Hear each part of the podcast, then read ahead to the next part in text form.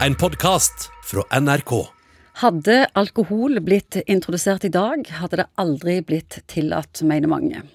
Og andre forskere sier det samme om nikking i fotball. Hadde heading blitt introdusert i dag? No way. Morten Munkvik, Ja. hva tenker du? Hva tenker en doktor om nikking i fotball? Man blir stadig mer klar over at det der kan være skadelig på lang sikt. Ja, mange tidligere fotballspillere har endt opp med mer eller mindre handikap, altså invalide. Ja. Det, Sviktende konsentrasjon, hukommelse, ja. kronisk vondt i hodet, tidlig demens og sånn. ja, og sånt. Ja, altså Spesielt det der med, med at man mister konsentrasjonen og glemmer ut ord og sånne ting. Det er jo noe av det som har vært løfta fram i media. Det var vel Var det ikke en var det Alan Shearer? Jeg tror det var Alan Shearer som er en av de mest kjente hodespillerne gjennom tidene. Han har vært en person som har eh, sagt litt om dette, og det ble laget en TV-serie, tror jeg, òg om dette. Hva han ble vært- sagt?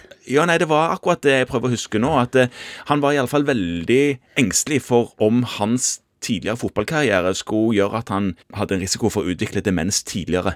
En spiller header i gjennomsnitt 6-12 ganger per kamp, der ballen kan ha en fart på opp mot 80 km i timen. Det er intense greier, det. Ja, det er ganske harde trøkk, og eh, det er åpenbart at hjernen rister hver gang man header den ballen. Alle som har fått en ball skutt på seg under en fotballkamp, vet at det, ja, det, det er ganske mye krefter ute og går. Ser dere mye hodeskader i eh, vanlig fotball og breddeidrett? Ikke mye hodeskader, i alle fall ikke hodeskader på grunnlag av en heading. Men det er jo eksempler på at folk blir sparka i hodet, helt utilsikta selvfølgelig, eller at en treffer stangen når man skal heade istedenfor ballen.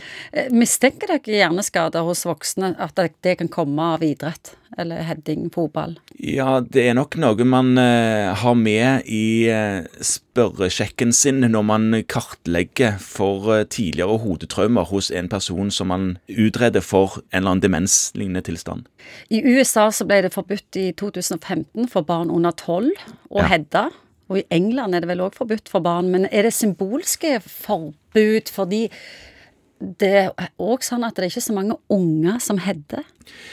Nei, Du, blir, du begynner ikke før 12-13-14-årsalderen med det. Nei, og så, du vet, dette er jo en idrett hvor alle ser opp til de store internasjonale stjernene, og de header. Sånn at det å forby det i, eh, i spill, det er nok noe som man gjør bare for at foreldre skal våge å sende barna sine av gårde på eh, fotballtrening, og ikke være engstelige for at de skader hodet sitt. Men etter hvert så vil det jo bli heading, ved mindre Fifa, som er det organet som styrer reglene i fotball, går inn og sier at heading skal vi ikke ha noe av i denne idretten.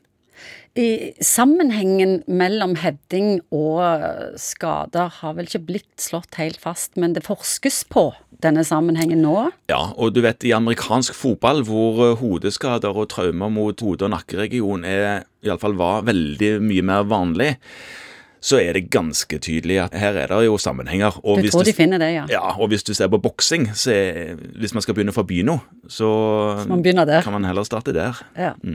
Du har hørt en podkast fra NRK.